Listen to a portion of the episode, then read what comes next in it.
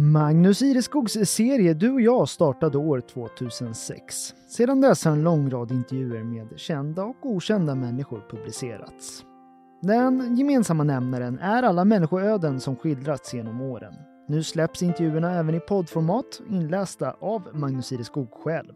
Det här avsnittet det handlar om filmarbetaren Ville Jägerhjelm som var nära att mista synen då en diamantspets från en sågklinga lossnade och trängde in i hans enda friska öga. Sågklingans diamantspets lossnade och sköt djupt in i hans enda friska öga. Idag är synen inte som förr, men han för ett fullt fungerande liv. Jag bestämde mig snabbt för att inte låta mig golvas, säger filmarbetaren Ville Jägerhjelm i den här intervjun från december 2022. Kanske har du noterat honom i media tidigare, Ville. Han berättar inte sällan i spalterna och radio om filmprojekt, inspelningsplatser och om PR-värdet att visa Gotland i tv-rutan. Filmen är en passion som hängt med genom livet. Filmen är, förutom arbete, flykt och frihet. Från sig själv ibland, men lika ofta in i sitt eget bråddjup. Precis som läsningen och målandet. Hela det kreativa skapandet som fyller honom med lust. Så oturligt då med den där flygande diamanten. Ja, säger han.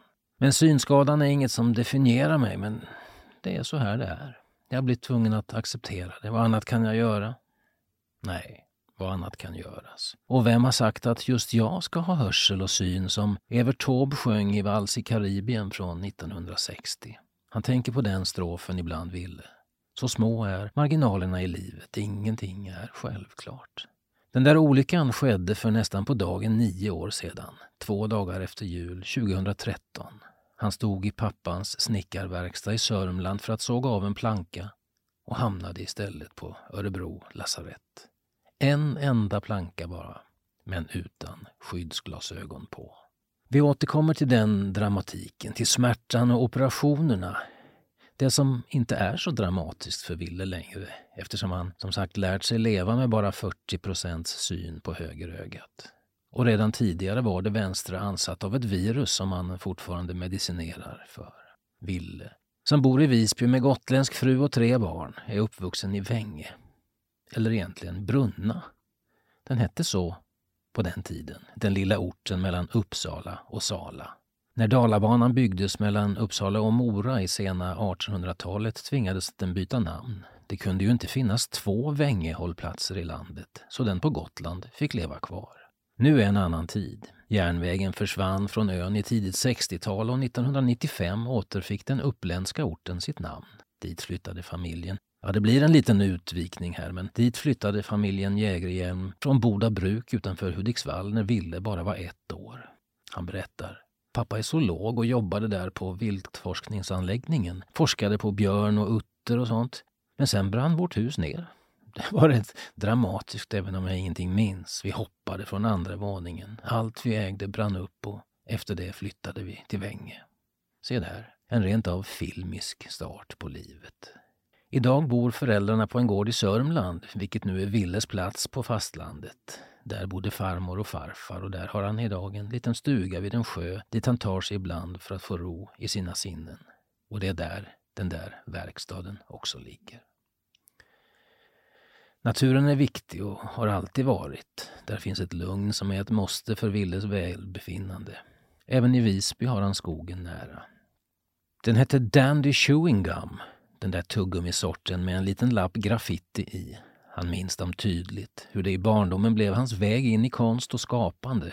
För all del också ett sannolikt arv från föräldrarnas kreativitet. Mm, jag blev väldigt fascinerad av den där graffitin och började själv måla. Jag minns vi körde in på mopeder till Uppsala och sprayade om nätterna. Han hade en trimmad Puchtakota först, men när mamma upptäckte farten blev det ändring. Istället fick han i maklig takt puttra den knappa milen på en Honda MT5. Det hör egentligen ihop, allting förstås. Graffitituggummina som med tiden ledde honom in i fascinationen för Dalí och van Gogh det egna målandet som gick i akryl och olja, impressionism, expressionism, pappas Nikon-kamera som fick honom intresserad av fotografi och mer. VHS-spelaren och en trave Robin Hood-filmer som så småningom landade hos familjen Jägerhjelm. För att inte tala om alla böcker. Ja, jag har läst ofantligt mycket genom alla år. Jag lånade kassar på biblioteket. Det blev som en verklighetsflykt, en väg in i någonting annat. Var flydde du ifrån menar du? Ja du, säger han när vi ses för den här intervjun, eftermiddag. Det skymmer ute, vid kakelugnen slumrar hundarna Stoja och Laika. Flydde från mig själv kanske. Eller kanske snarare var det viljan och längtan till att känna någonting annat. Känna andras känslor. Du vet, du går in genom garderoben och hamnar i Narnia. Det där ligger så djupt nedärvt hos oss. Viljan att gå in i någonting annat än det vi har. Det är snarare där hans passion ligger. Inte enbart i filmen, vilket angavs i början av den här berättelsen. Passionen att vara delaktig i berättandet av en historia. För det händer något i en när man skapar. Så är det bara, säger han. Vid de tillfällen då han krisat och hemfallit åt mörker har det kreativa varit en räddningsplanka. Att landa i en målning, skriva något, planera en film. Han är glad över att ha den förmågan, säger han. Han vet att den kommer att finnas där hela livet. Men Ville, vad är det du fylls av i de stunderna? Ett lugn, tror jag. Att ha något för handen och att hjärnan får ett fokus när den går på högvarv. Och att göra film, jag menar, jag, jag, gör en del film på egen hand. Det handlar om att hantera frågeställningar och kanske få svar. Lät det pretentiöst? Ja, jag vet inte. Ja, säger han, förr testade jag mig fram. Det kunde bli lite vad som helst, men nu är det viktigt att ha någonting att berätta. Och där är han nu, genom sitt arbete som filmkommissionär vid Film på Gotland, Region Gotlands länsinstitution för film. Mest arbetar han inom en av dess tre grenar, talang och produktion. De övriga är visning och spridning och barn och unga. Rent praktiskt har han ett finger med i spelet för många av de filmer och tv-serier som spelats in på ön. Av det mer aktuella har han varit delaktig i julkalendern Kronprinsen som försvann, TV4-serien Elitstyrkans hemlighet och Superstars i Kanal 5. I första hand fungerar han som en länk mellan Aktuellt produktionsbolag och Gotland. Ett slags service som hjälper dem att komma i kontakt med rätt personer, företag, filmarbetare och miljöer. Han säger att Ingmar Bergmans roll för att Gotland syns så mycket på duken inte går att överskatta. Ja, även om han spelade in på många andra platser har han satt ett sigill på Gotland. Det är ett superstarkt filmarv. Jag tror inte att vi här på Gotland riktigt förstått hur stor han är ute i världen. För närvarande i december 22 arbetar Ville med kommande produktioner. Ett estniskt produktionsbolag avser att spela in en långfilm och en producent vars namn han inte får yppa men som arbetat med såväl Game of Thrones som Maktens ringar har visat intresse att vända ön som inspelningsplats. Mycket att stå i är det. Ja, idag innan du kom har jag suttit med ansökningar om kortfilmsstöd, berättar han. Ville och hans fru Mia träffades i Umeå där de båda läste till bildlärare. Han kom sedan att flytta med henne till Gotland. Det är 18 år sedan nu. Flytten var långt ifrån given. Han hade aldrig varit på ön innan de tu blev ett. Nu har han däremot landat sedan länge och han slås ofta av hur vackert det är. Just denna dagen har snön fallit tungt och hela världen är vit. Men ljuset här, havet, det lägger som ett skimmer över hela ön. Ljuset visar sig från alla olika paletter. Magiskt. Det är ett slitet ord, men det finns verkligen något magiskt här. Och här finns också något större. Här finns livet. Och även om det för Ville varit stressigt och överlastat ibland. Han är en person som gärna har många järn i elden, hör sig ofta säga ja och tycker att mycket är roligt och spännande. På gott och ont. I ögonens fall ont. För det var genom en stressig tillvaro problemen startade. Han berättar. För 10-11 år sedan började jag se suddigt på vänster öga. Det visade sig vara en virusinflammation som antagligen utlöstes av just stress, för mycket jobb, familj och för mycket föreningsengagemang. Viruset förstörde hornhinnan, behandlades med kortison och så småningom utvecklades dessutom starr. Efter rutinoperation är ögat nu trots allt hyfsat fungerande. Men det som blev den stora förändringen var den där diamanten från sågklingan som spräckte rakt in i högra ögat annandag jul för nio år sedan. Jag tror jag blivit blind, ropade han medan blodet rann och den isande smärtan pulserade. Ambulansen kom och han sövdes så småningom på Örebro lasarett, opererades och vaknade utan att se någonting alls. Det mesta som fanns var smärta och tomhet. Jag låg där och allt var oviktigt. Allt som annat, annars upptar ens tankar bara skalades bort. Då blir det väldigt tomt. Jag minns jag tänkte så. Vad finns det nu? Idag, efter ytterligare två operationer och några korrigeringar, är regnbågshinnan trasig och näthinnan bortbränd och han ser bara i delar av högerögats synfält. Men jag lever ett fungerande liv, säger han.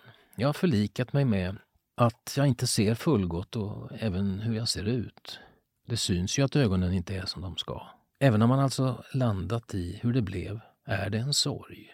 Så säger han det. En sorg att inte kunna läsa på samma sätt som förr. Det finns talböcker, jag vet, men det är inte samma sak. Men det är som det är. Hur tänker du framåt, Ville? Viruset kommer ju sannolikt från att jag en tid bränt ljuset i båda ändar. Det kunde utmynnat i utbrändhet, men i mitt fall satte det sig på ögonen. Så det gäller att vara varsam och inte missbruka sin energi. Därför är stunderna av lugn och ro i skogen bland annat ett måste. Han tar med sig hundarna på jakt. Skogen ger den ro han behöver. Ibland far han över till den där lilla stugan hos föräldrarna, tar båten till fastlandet några dagar. Jag har det behovet, säger han, att resa, komma bort, byta miljö. Det är en väg till frihet på samma sätt som att skapa. För skapandet är viktigt, eller hur? Ja, säger han. Och en sorg är att han aldrig varit särskilt bra på musik. Den kanske allra mest direkta konstformen som på bara några sekunder kan spela på människors känslor. Jag tycker om att bli berörd och är fascinerad av de som gör det med mig. Jag skulle också vilja kunna beröra på det sättet. Annars är det inget exceptionellt. Det är inte så att jag har något särskilt att berätta. Det är inget unikt med mig än att jag är unik på samma sätt som alla människor är. Så vad är det du egentligen vill? Varför vill du göra en intervju med mig? Ja, för att alla människor har sin historia och kanske lite fördomsfullt för att du jobbar med film trots en synskada. Han nickar stilla. Ja, säger han, så är det såklart. Är du orolig för att bli helt blind? Jag var det ett tag, i början. Men jag bestämde mig snabbt för att inte låta det här golva mig. Jag vill inte ner i något självömkanshål. Den där diamanten sparade jag ett tag, men för fem år sedan kastade jag den i havet. Så nu är du fri. Ja, nu är jag fri och nu sågar jag aldrig mer utan skyddsglasögon. Men, tillägger han, alltjämt ödmjuk inför tillvaron. För vem har sagt att just du ska ha hörsel och syn och vem har sagt att just du kom till världen för att få solsken och lycka på färden? Ingen har sagt det. Ingen. Så det gäller att ta vara på de fina stunderna när de kommer. Ja, gillar du också Magnus Ireskogs intervjuserie Du och jag så finner du fler avsnitt på helagotland.se under poddar och program.